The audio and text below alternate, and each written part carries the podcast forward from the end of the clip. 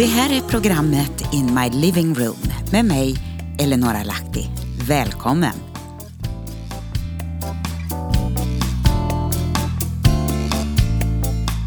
Nu ska jag läsa några inlägg. Ja, jag tror det kanske blir två eller tre inlägg från eh, några år sedan när jag skrev en text eller skrev texter om våra år i Israel. Och jag tog och skrev dagbok under en månad och jag är så glad för att eh, jag samlade lite tankar då. Och sen har jag bearbetat de texterna och satt ihop några inlägg. Och det jag ska läsa nu idag, det är det som är aktuellt nere i Israel just nu. Det är eh, bland annat Förintelsedagen, Åminnelsedagen och Självständighetsdagen. Tre olika dagar av eh, både glädje, sorg och förtvivlan. Men jag ska börja nu med den första som jag skrev i Jerusalem i april år 2002.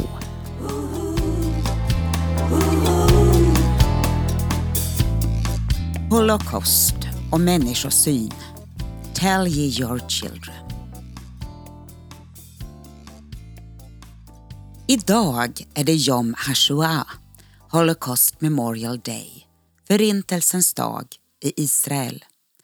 Den dagen infaller varje år tolv dagar efter första dagen i Pesach. Sex miljoner judar förintade av Hitler under andra världskriget. Sirenerna tjöt över hela Israel idag klockan tio i två minuter. Alla stannar upp, även bilar ute på vägarna. Barnen har blåvita kläder på sig och skolbarnen samlades på bollplanen. Alla små barn stod helt tysta och stilla. Inget småprat, inget bus. Nästa vecka är det Memorial Day och Independent Day. En dag av sorg och en dag av glädje. Ja, det var vad jag skrev den dagen 2002. Och att höra sirenerna tjuta i detta land, ett märklig ödesmättad känsla. Långt ifrån när våra larm i Sverige ljuder första måndagen i månaden klockan 15.00. Men visst är det väl fantastiskt att vi också i Sverige har en sån dag. Förintelsens minnesdag. Den 27 januari. Och i vår bokhylla hemma har jag några böcker av boken Om detta må ni berätta. Jag har den på tre olika språk. Boken kom ut 1998 till alla i Sverige och initiativet togs av regeringen. Man talar om vad som kan hända när demokratins värden och respekten för människovärdet bryts ner. Det är inte många kvar av de som överlevde förintelsen. 96-åriga Livia Fränkel är en av de åtta som reser runt i Sverige och talar till skolungdomar vecka efter vecka, termin efter termin och skola efter skola. När man på 80-talet började tala om att förintelsen aldrig ägde rum och att man blev ifrågasatt insåg de flesta av dessa överlevande att de måste göra något. Nu är det åtta gamlingar. Mm, när de inte längre orkar, då är det över. Och här kan du läsa hennes berättelse. Vi har problem i Sverige. Religiösa symboler vågar man inte bära offentligt och hakkors klottras på moskéer och kyrkor och röster höjs. Det verkar vara dags att plocka fram boken igen och kanske även låta den gå i nytryck. Jag har ett starkt minne från min första lärartjänst i Jönköping. Året var 1982 och Kungsängsskolan. Jag kommer gående från min lektion och tar följe med en äldre lärarkollega i franska. Hon var alltid så välklädd och fin. Och den dagen hade hon en jumper med en liknande kofta till med alltid så vackra smycken. Vi gick där i korridoren och småpratade och jag frågade varifrån hon kom för hon hade en lätt brytning och jag en renodlad norrländska där nere i Småland. Så började hon berätta att hon var jude och kom till Sverige från ett koncentrationsläger. Hon drog upp ärmen på koftan och där såg jag det.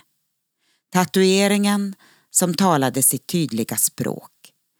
Ingen välgjord utan snabbt och snett inbrända siffror. Jag ville kräkas. Helt plötsligt kom det så nära. Hon var ju en av oss. Och detta hade hänt. Det var på riktigt. Det är ett folk som lidit i årtusenden. Yom Hashua. Den dagen minns man sin farfar som kom utmärglad och nerbruten till landet. Hans syskon och föräldrar finns inte längre. Alla dessa som inte fick se sina barnbarn eller de som inte fick fortsätta sitt äktenskap tillsammans med sin hustru vars liv togs i en gaskammare. Alla dessa. En nation som ska upprättas både fysiskt och andligt. Herren säger Kom från de fyra väderstrecken, o ande, och blås på dessa slagna kroppar så att de får liv igen. De här benen representerar hela Israels folk. De säger, det är bara en hög, uttorkade ben, allt hopp är ute.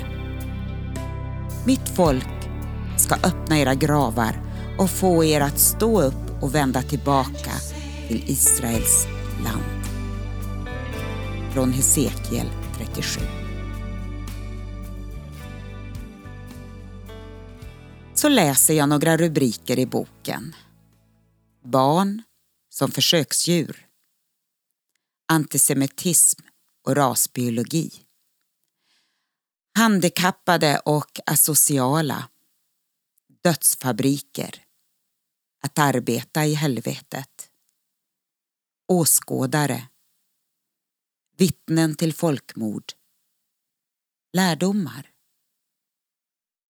Och jag undrar, var är vår människosyn idag i Sverige? Så tänker jag läsa en text till som heter Memorial Day. Och den börjar så här. För åtta dagar sedan högtidligt hölls Förintelsens dag som jag har berättat om.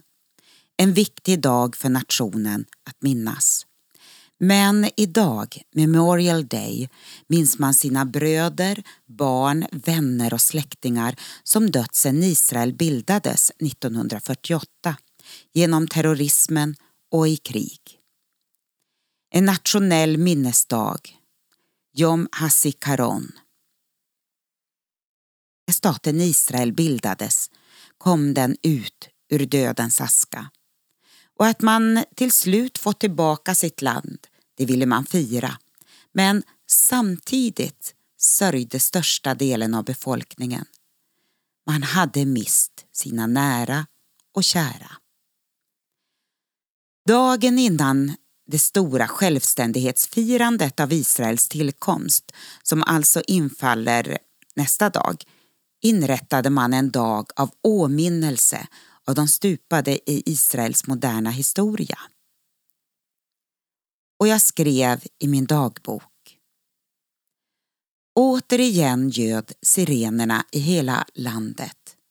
Återigen stod alla barnen tysta, uppställda på bollplanen i skolan.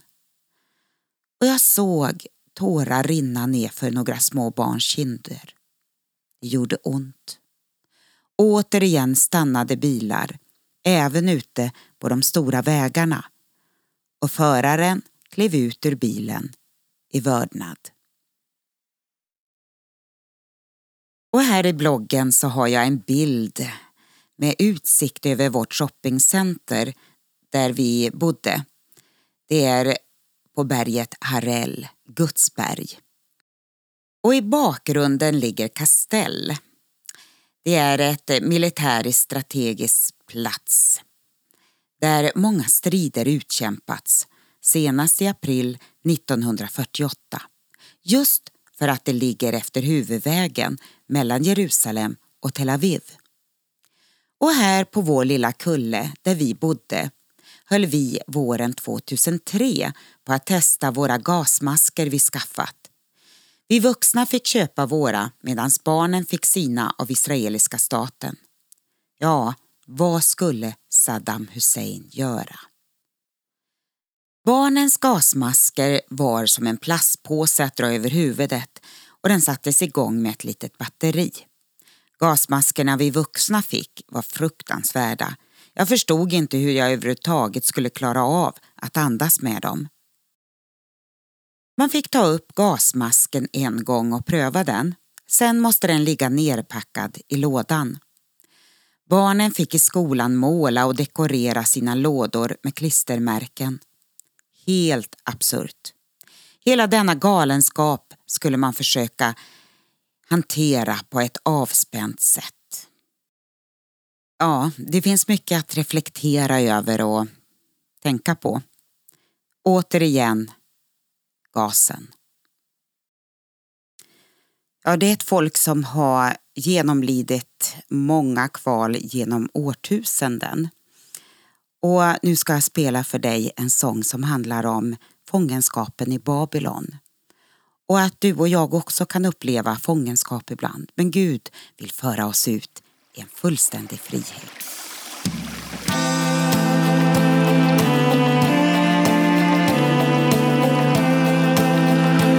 Babels floder, där satt vi och grät när vi tänkte på Sion. I pilträden som fanns där hängde vi upp våra harpor.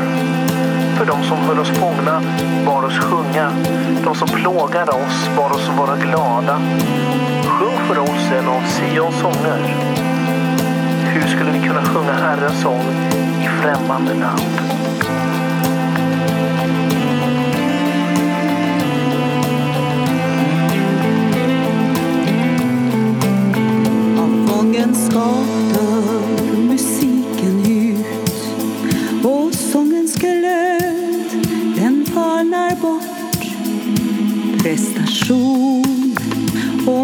Människofruktan kväver livet som finns där.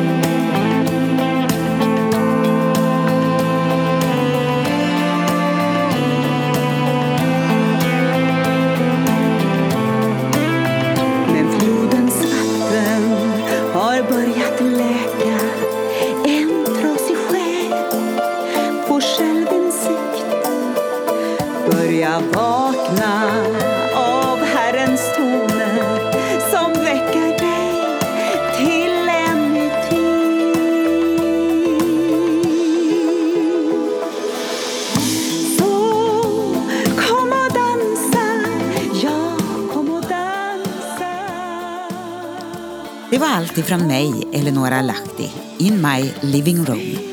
Och jag har sjungit och jag har läst ifrån min blogg för dig om Israel, om våra år, vårt liv där. Hej då!